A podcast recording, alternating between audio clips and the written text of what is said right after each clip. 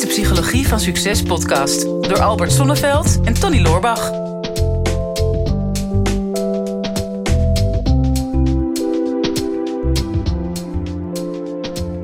Het is alweer eh, even geleden dat we een gast in onze uitzending hebben gehad, in onze podcast, eh, Tony. Ja, laatste, En, ehm, laatste waren allemaal dames. Of ja. niet? Nee. Oh, Nou ja, niet helemaal, maar ehm, ja, dat was, de laatste was David de Kok volgens mij. Ja, Maar dat dat is is wel al een een, gast. hele, een hele tijd geleden. En ehm, ja, nu hebben we wel een hele bijzondere gast ook. Iemand die we al heel lang kennen. Ja, Zowel eh, vriendschappelijk als ook eh, zakelijk hebben we heel veel samen gedaan al.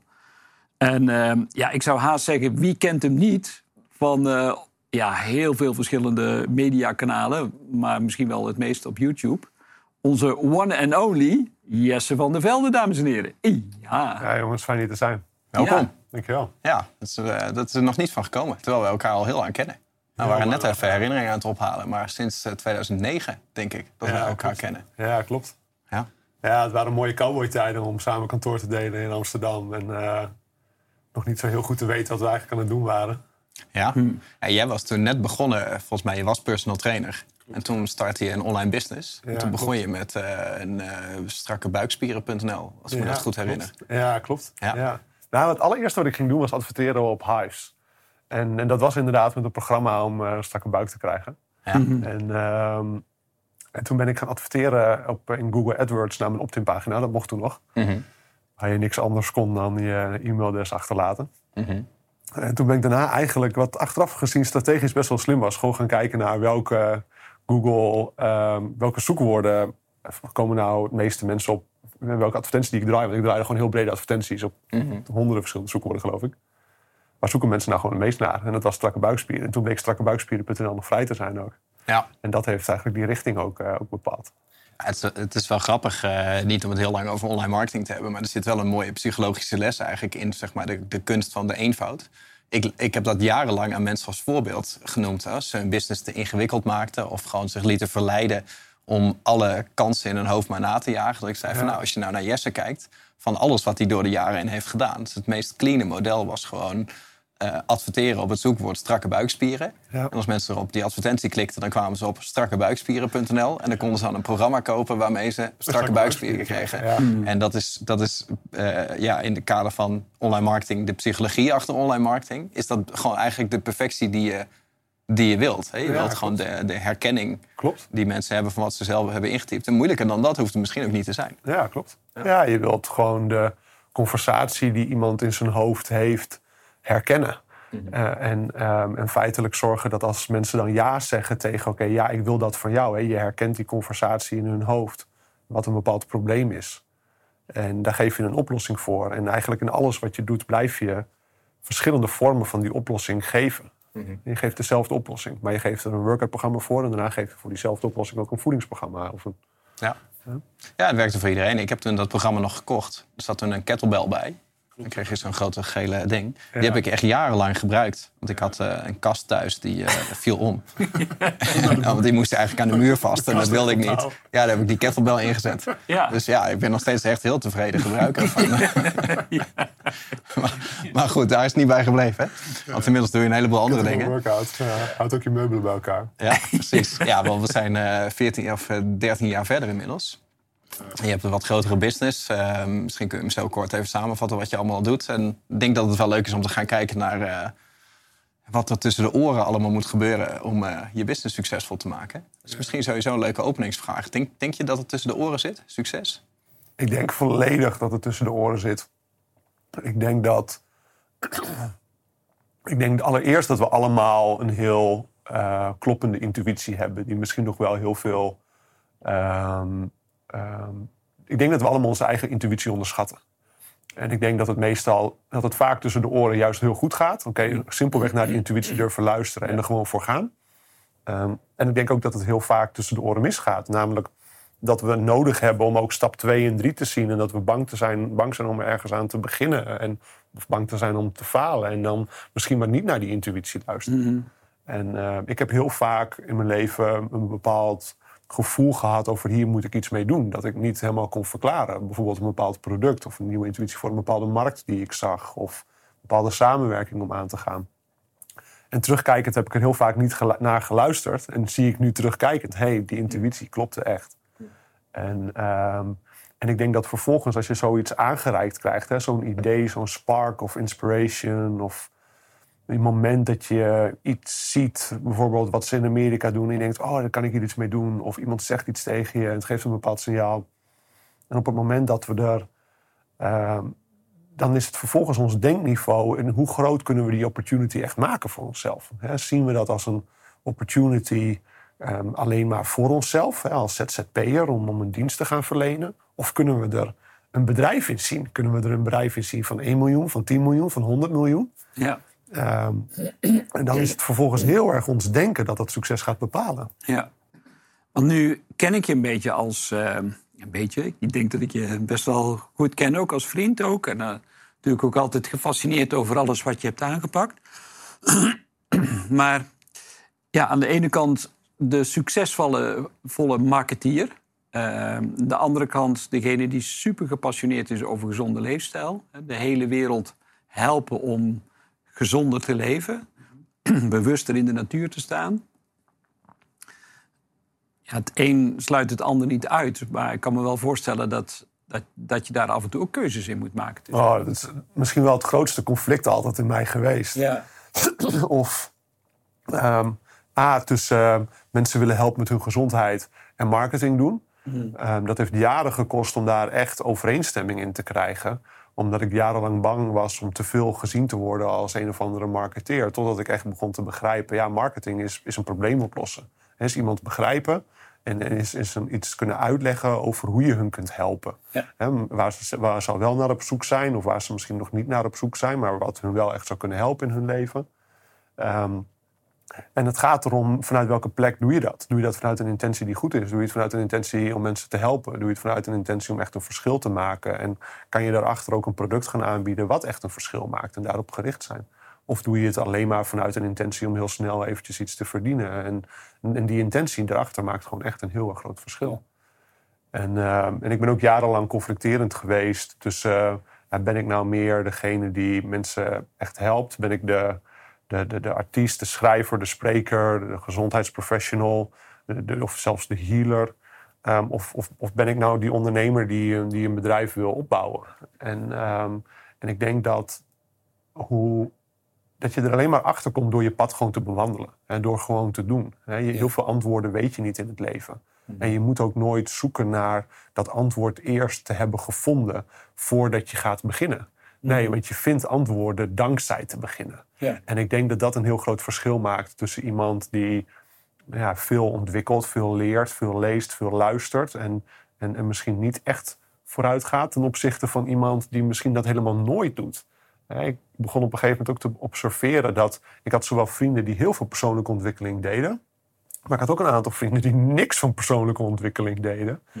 Die, die zeiden dan van die, ehm, van, die, van die dingen waar we in de persoonlijke ontwikkelingwereld grappen over maken. Namelijk, oké, het was een leuk seminar, maar ik wist alles al. Het was een goede bevestiging voor wat ik al weet. En in de persoonlijke ontwikkelingwereld maakten wij daar vroeger altijd grappen over. eh, Als zijnde de mensen die niet echt openstaan tot reflectie en groei. Die zelf vooral die zelfbevestiging nemen van ja, ik weet al zoveel. Maar heel vaak waren dat ook wel degelijk mensen die echt grote stappen zetten. Dus die eigenlijk het zichzelf niet zo heel erg moeilijk maakten. Gewoon doen wat ze wisten. Gewoon gaan. Gewoon nuchter. Gewoon bouwen. Gewoon vooruit. Niet zo zoekend zijn. Gewoon gaan.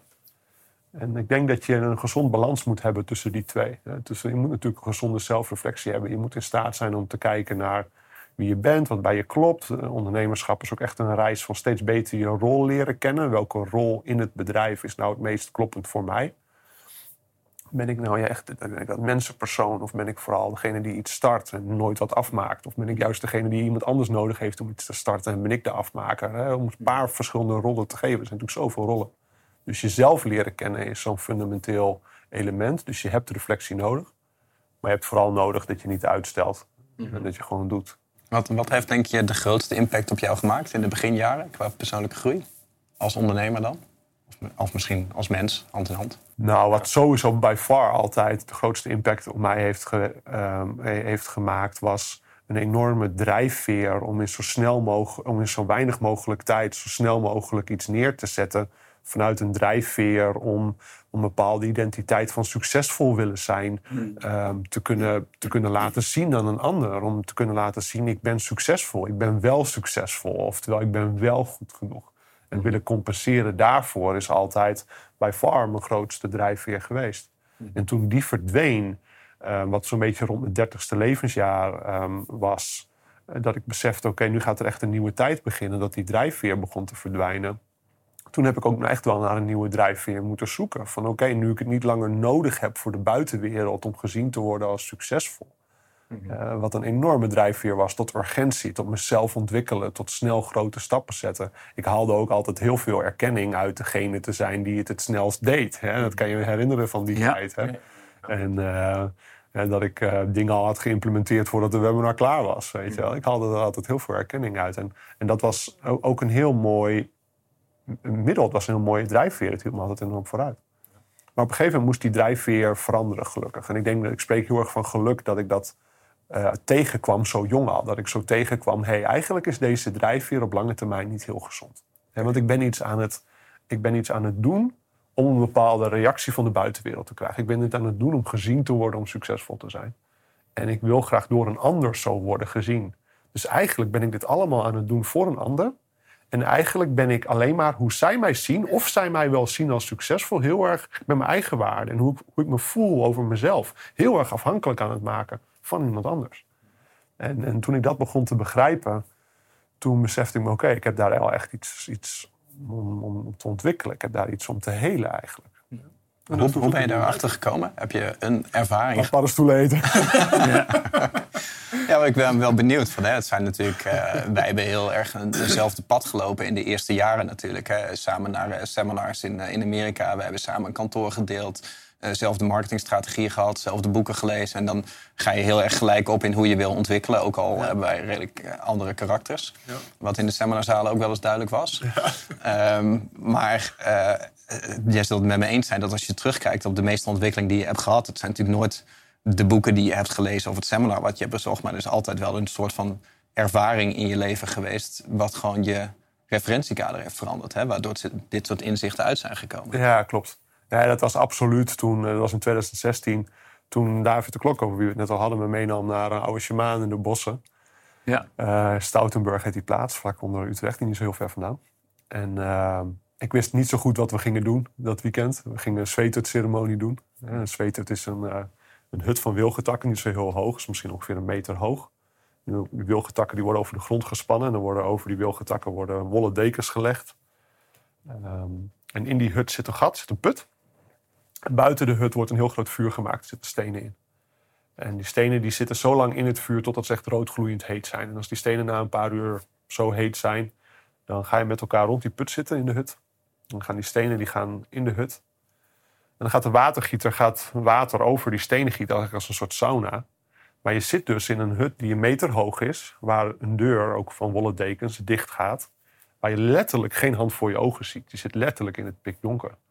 Ja, en, uh, dat is echt iets voor jou, Tony. Ik, ja. ik hoor het. Het is echt uh, this next level thing. Ja, het is een beetje een omgekeerd ijsbad eigenlijk. Ja. Zoals van in de put. Ja. zou ik zitten dan. Niet, niet, niet, niet ernaast. Ja, waar je toch wel in, in wordt geconfronteerd met stilte, met, met, met, met naakt zijn. Letterlijk niks hebben aan identiteit of ego of, of verhalen waar je aan kunt vasthouden. Je bent letterlijk alleen maar met jezelf.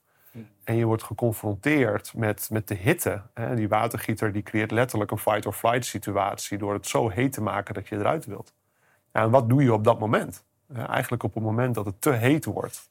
en je, niet lang, en je eruit wilt... En weet je op dat moment je adem te vinden. Weet je op dat moment je stilte te houden. Je verbinding met jezelf te houden. En, en verbinding met de groep ook. Dat was ook een belangrijk als je dus de connectie hebt. Niet alleen met jezelf en met het vuur. Maar ook met de mensen die daaraan bezig zijn. Dat, voor mij heeft dat in ieder geval enorm geholpen om er doorheen te komen. Want ja. nou, in diezelfde zweethut had ik eh, blaren op mijn schouders staan.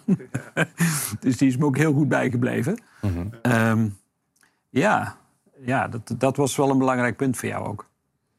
Ja, en toen diezelfde dag, toen bleef uh, die shamaan die bleef het maar steeds hebben over het medicijn. En over nog een ceremonie die we in de typisch zouden gaan doen, in de indianentent, niet in de zweethut, s'avonds. En ik dacht, waar heeft die vent het over? wat is dat, het medicijn? ik wist helemaal niet wat we gingen doen. En geleidelijk begon te dagen, gaan we nou hier met elkaar een beetje drugs lopen doen? Gaan we hier nou echt een beetje, eh, is het een of andere vage secte of zo, dacht ik echt letterlijk. Mhm.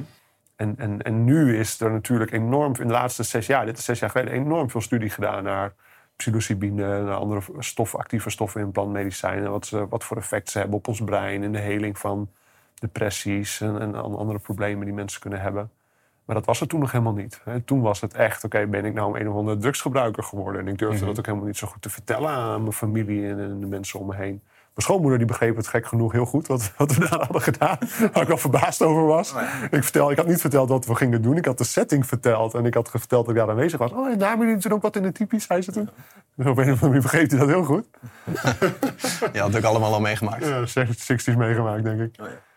Ehm, maar het was dat moment als we in een plantmedicijn stappen, dan een plantmedicijn vergroot heel erg wat in ons leeft. Het maakt bijna, misschien kunnen we wel over 10 of over 20 jaar door bepaalde fasen in ons leven gaan, dat we er eigenlijk achter komen, hey, waar heb ik dit nou de laatste 10 of 20 jaar allemaal voor gedaan? Hè? Een bekend voorbeeld is misschien wel een depressie of een midlife crisis. Dat je in je 40 bent en dat je alles hebt bereikt wat je wilde. En dat je denkt, waarom heb ik dit nou eigenlijk allemaal echt gedaan? En daarna start een soort nieuw pad, een innerlijk pad. Hè, waar we stiller worden, naar onszelf gaan kijken. En grote levensvragen gaan stellen over wie ben ik en wat wil ik en wat is mijn waarheid en wat wil ik betekenen in de wereld. En een, een plantmedicijn die versnelt in zekere mate dat proces van die tien jaar. In plaats van dat je het leven je geleidelijk laat leiden. Wat uiteindelijk denk ik de mooiste manier is. Hè. We moeten het leven ons laten leiden. We moeten duidelijk richting kiezen. We moeten ook vertrouwen hebben echt in het leven om ons te laten leiden. Een plantmedicijn kan zoiets in één keer heel erg dens maken. In een heel korte periode van tijd. En je terugbrengen naar het verleden. Van, en voor mij was dat gepest te zijn geweest. Voor mij was dat jarenlang eenzaamheid te hebben gevoeld. En een outsider te zijn. En en er niet bij horen en er heel graag bij willen horen en heel graag gezien willen worden. En, en, en dat werd in die ene ceremonie heel duidelijk voor mij. Het medicijn maakte dat heel groot, heel duidelijk, heel zichtbaar. En, en, en de stem en de boodschap die ik kreeg, want in dat bewustzijn dan krijgen we een nieuwe vorm van communicatie. Of dat nou zelf praten is of praten met God of wat dan ook. eh, daar mag je zelf van vinden wat je wil. Maar, maar was mijn gesprek, mijn inzicht, dit is deel 2. dit is deel 2 van je leven, zei het medicijn.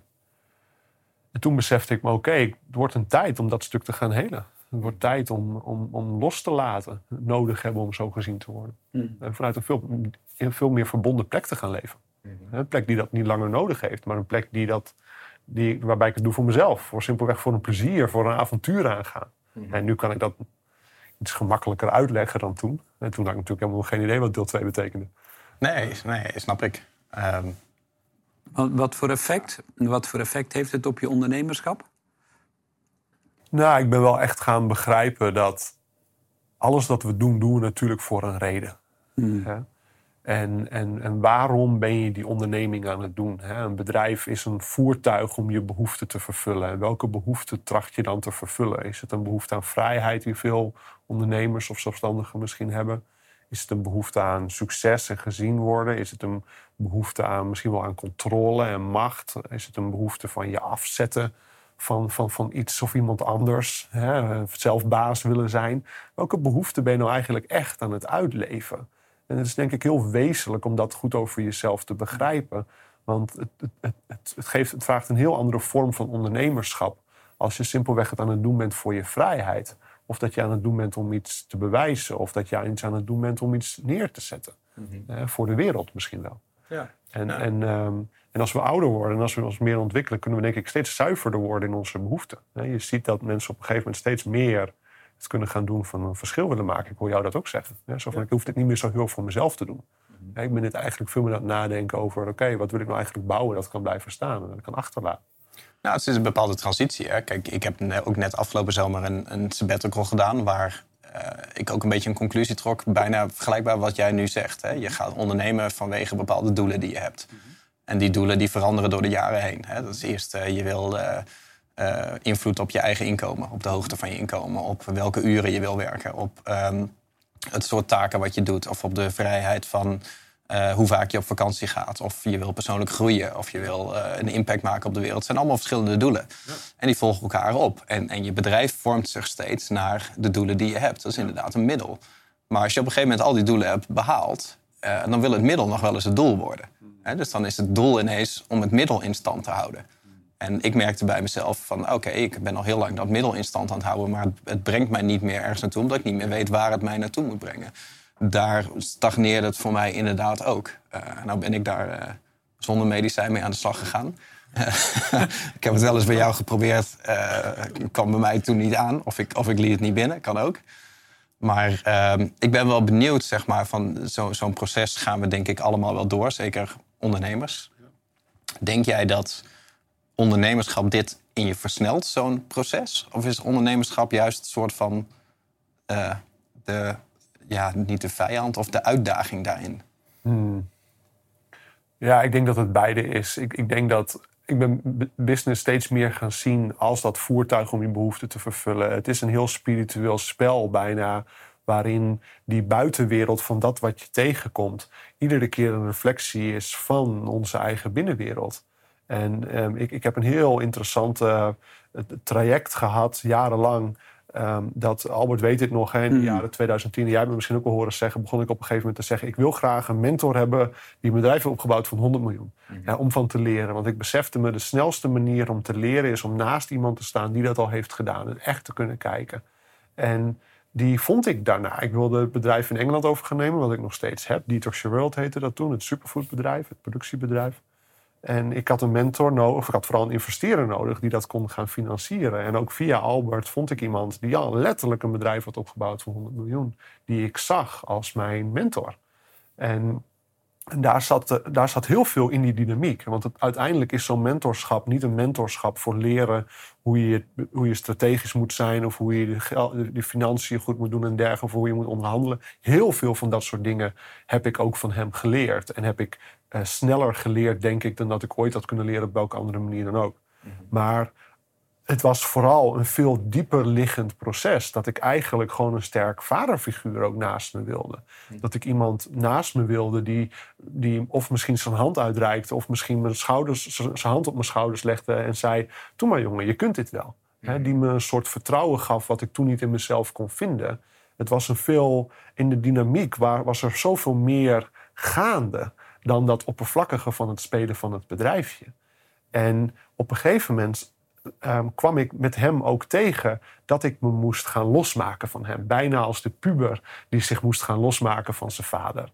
En Robert Greene schrijft in het boek Mastery, wat een van mijn favoriete boeken is, legt hij ook uit hoe in het apprenticeship wat mensen volgen bij een leermeester. En hij geeft de voorbeelden van de oude kunstenaars en de beeldhouwers en, en, en muzikanten en dergelijke uit de geschiedenis.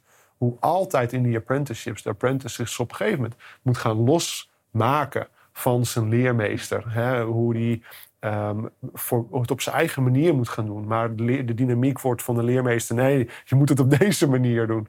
En de apprentice moet gaan ontdekken: nee, ik kan dit zelf. Ik kan het op mijn eigen manier. Die moet gaan stralen, die moet daarvan losbreken. En dat ben ik met hem tegengekomen. Dus het was een veel dieper proces van mezelf zien, in mezelf gaan geloven. Ehm, en daarom denk ik dat absoluut een business uiteindelijk een spel is van voor onze eigen zelfontwikkeling, hè, voor onze eigen groei.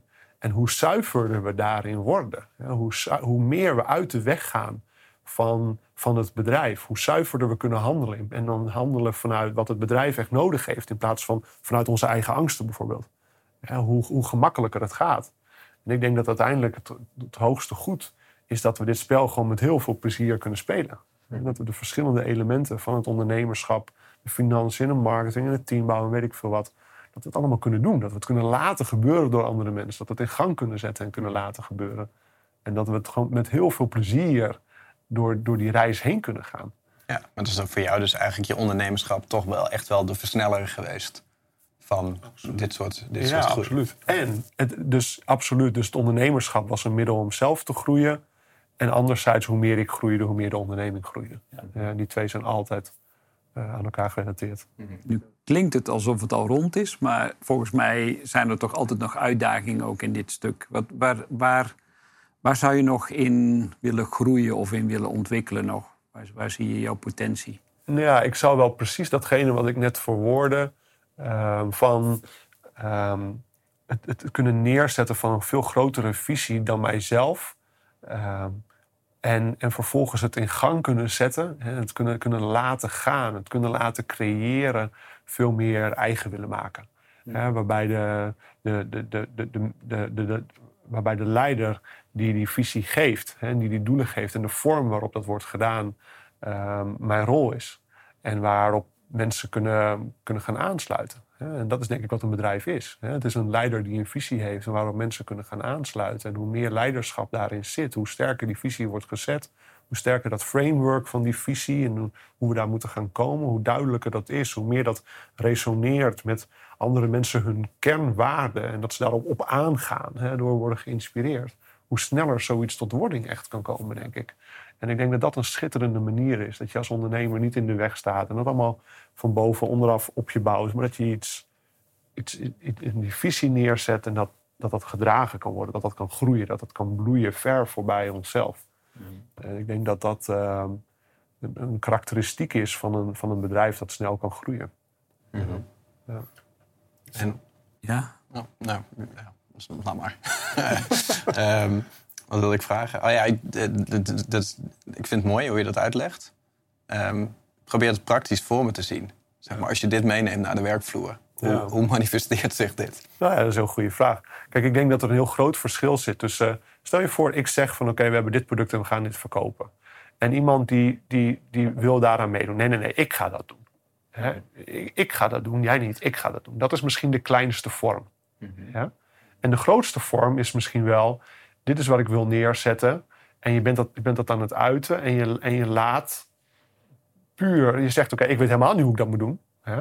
Ik, ik, zoek een, ik, zoek, ik, ik ga dat team samenstellen die dat echt kan gaan doen. Ik heb alleen maar de visie.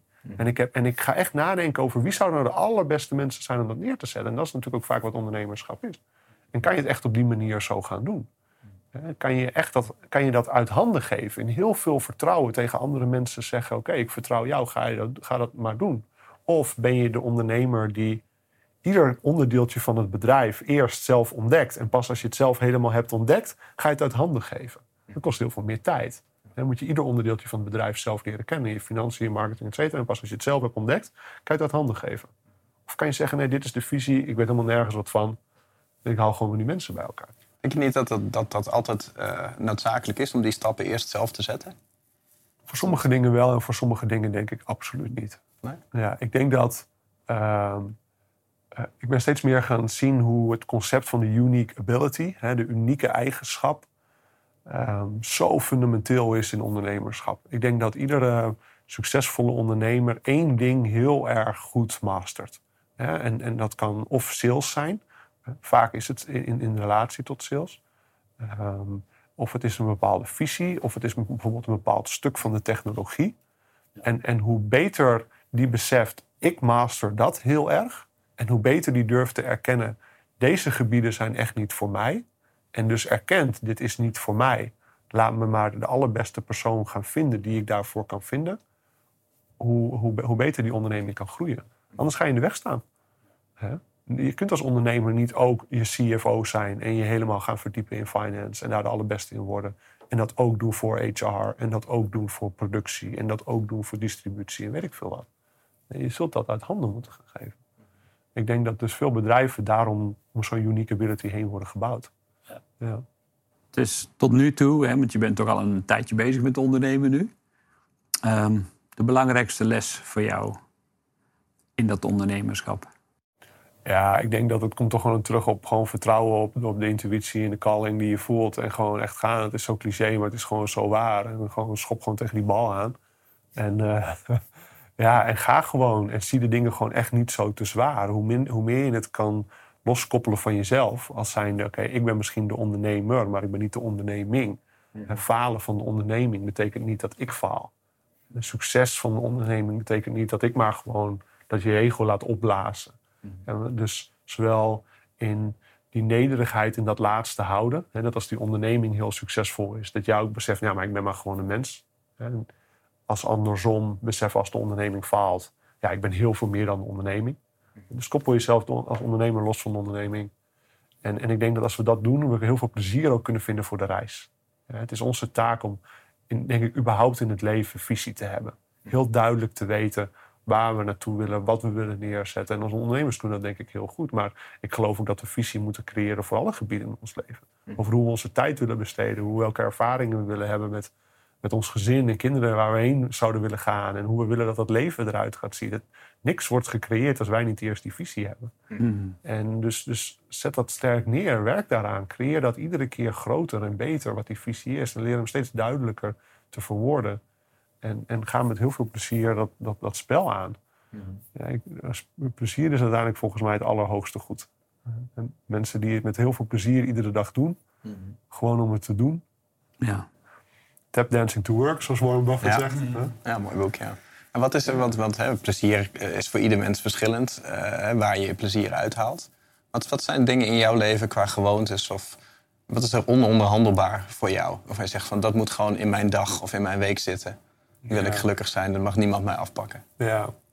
ja, sowieso echt tijd voor, voor creativiteit. Voor gewoon kunnen nadenken, kunnen creëren. Bezig kunnen zijn met een nieuw boek of met nieuwe plannen. En gewoon echt ongestoord zelf echt ergens aan kunnen werken. Bijna, en dan ook eenzaam, gewoon echt alleen. Gewoon lekker dat zelf kunnen doen en mijn, mijn craft kunnen doen. Mhm. Ehm, dat is echt ononderhandelbaar voor mij.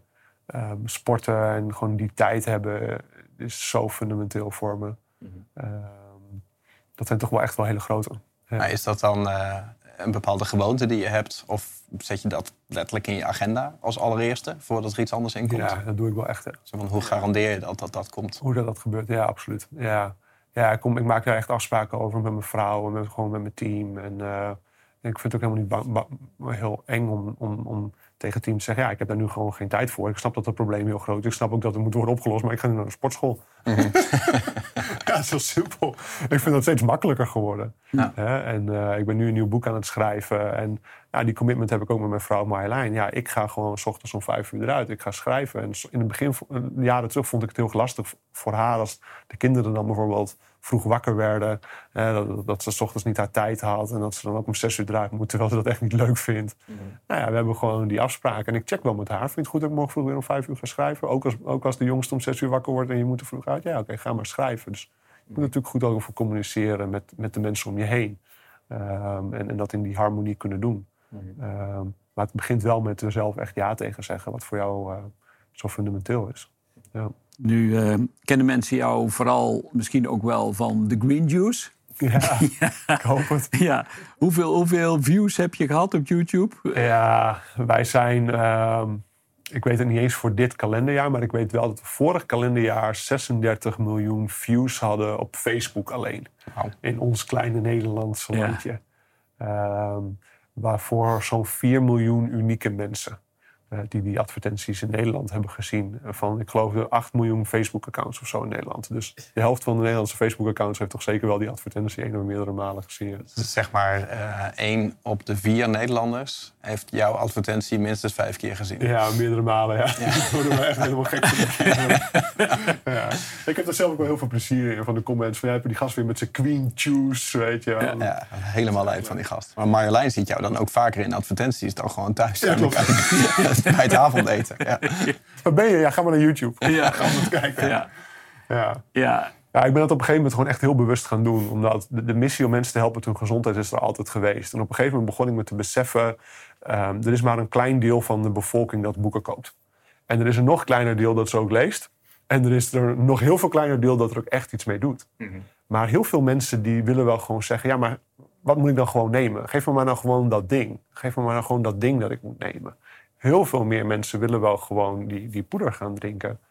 En, en dat is daarom een heel veel betere stap vooruit... dan hun te gaan proberen te overtuigen dat ze mijn boek moeten gaan lezen... en die kennis moeten vergaren waar heel veel mensen niet zo'n zin in hebben. Als ze dat gaan nemen, hun lijf wordt schoner... en hun darmflora wordt beter dankzij de probiotica die erin zit... Hun, hun, hun, hun, hun tekorten aan voedingsstoffen die worden hersteld... waardoor de hormonen beter in balans komen... En de, de impact van de voedingsstoffen op de neurotransmitters, waardoor ze gelukkiger worden. Al die vormen van verbetering van gezondheid. Als ik hun dat kan geven, eh, dan is dat een, hopelijk een start voor een grotere gezondheidsreis. En daarom zijn we Green Juice als die start van die gezondheidsreis eh, gaan maken. Ja.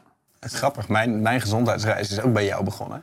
2009 zaten wij natuurlijk samen op kantoor. Ja. En jij begon toen in Nederland met de groene, de groene smoothie. Dat bestond toen gewoon niet. Je had groenesmoothie.nl. Ja. Jij kwam, of Marjolein had een eh, receptboek geschreven en Ja. jij begon dat aan mensen te leren. En ik had toen natuurlijk helemaal geen groentes. Ik was toen 23 of zo. Had ik zoiets van, nou, het zou voor mij misschien toch wel goed zijn om groentes te gaan eten. Maar ik lust ze niet. Dus ja, toch ook ga ik ze het eten waren, even de decoratie opzij leggen. Ja, ja, precies. Dat Even is een tu- tuintje eraf. Ja, ik had, eraf. ik, ik, had, ik had ook geen darmflora. Ik had, ik had een darmfauna. Dat was allemaal alleen maar vlees. En eh, ik weet nog, ik zei toen tegen jou... Van, als jij een groene smoothie maakt... je moet mij niet vragen of ik ook wil... maar zet maar gewoon een glas voor me neer. Want als het er staat, dan drink ik het wel op. Weet je? Ik heb ook ooit bier leren drinken. Ik kan vast ook wel groene smoothies leren drinken. En toen zijn we dat, zeg maar... Die eerste week heb ik toen vijf dagen op rij... gewoon elke dag zo'n groene smoothie gedronken. Toen ging ik met de familie op vakantie... En ik werd me echt partijziek. Niet normaal. Net alsof, net alsof ik een voedselvergiftiging had. Ik kwam echt 23 jaar opgebouwde gifstoffen. Die kwamen in één keer los. Echt man, ik, ik dacht dat ik dood ging. En toen dacht ik, nou, misschien is het toch wel goed dat er wat in beweging komt. En daar is mijn reis een beetje begonnen. Ik drink nu nog steeds die groene smoothies. Maar inderdaad ook die green juice.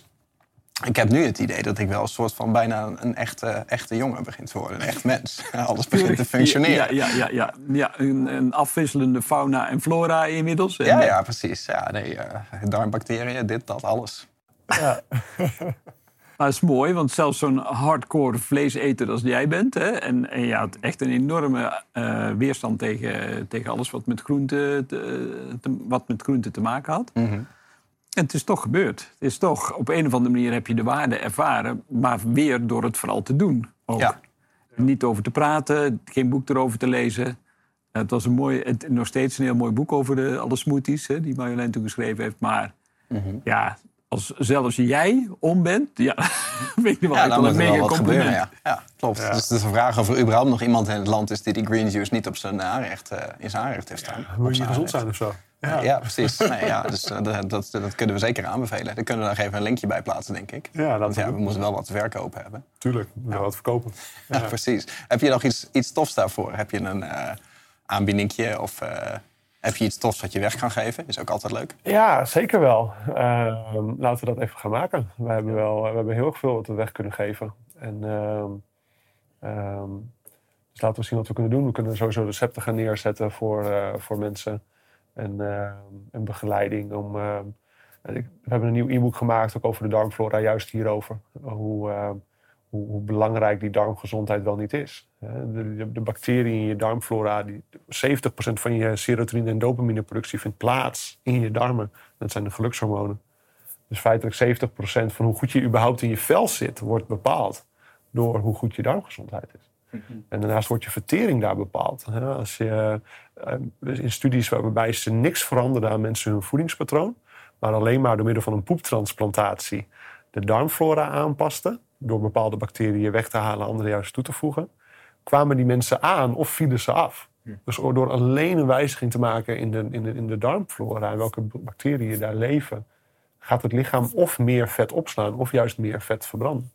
Nou ja, dan hebben we op alle levensgebieden van, van stemming en van hormoongezondheid en van immuunsysteem, op al die gebieden ehm, spelen die bacteriën een heel fundamentele rol. Het begint allemaal letterlijk daar. Dus dat e-book hebben we net gemaakt. Dat kunnen we gratis gaan geven om daar, dat je daarover wat kunt gaan lezen. Hm. En we zullen wel even een speciale aanbieding maken voor jullie luisteraars. Ja. Met wat extra, extra's erbij. Ja, tof. Ja. Ja, gaan we doen. Ik ben dol op een speciale aanbieding. Dat denk ik ook. Ja. Ja. Ja.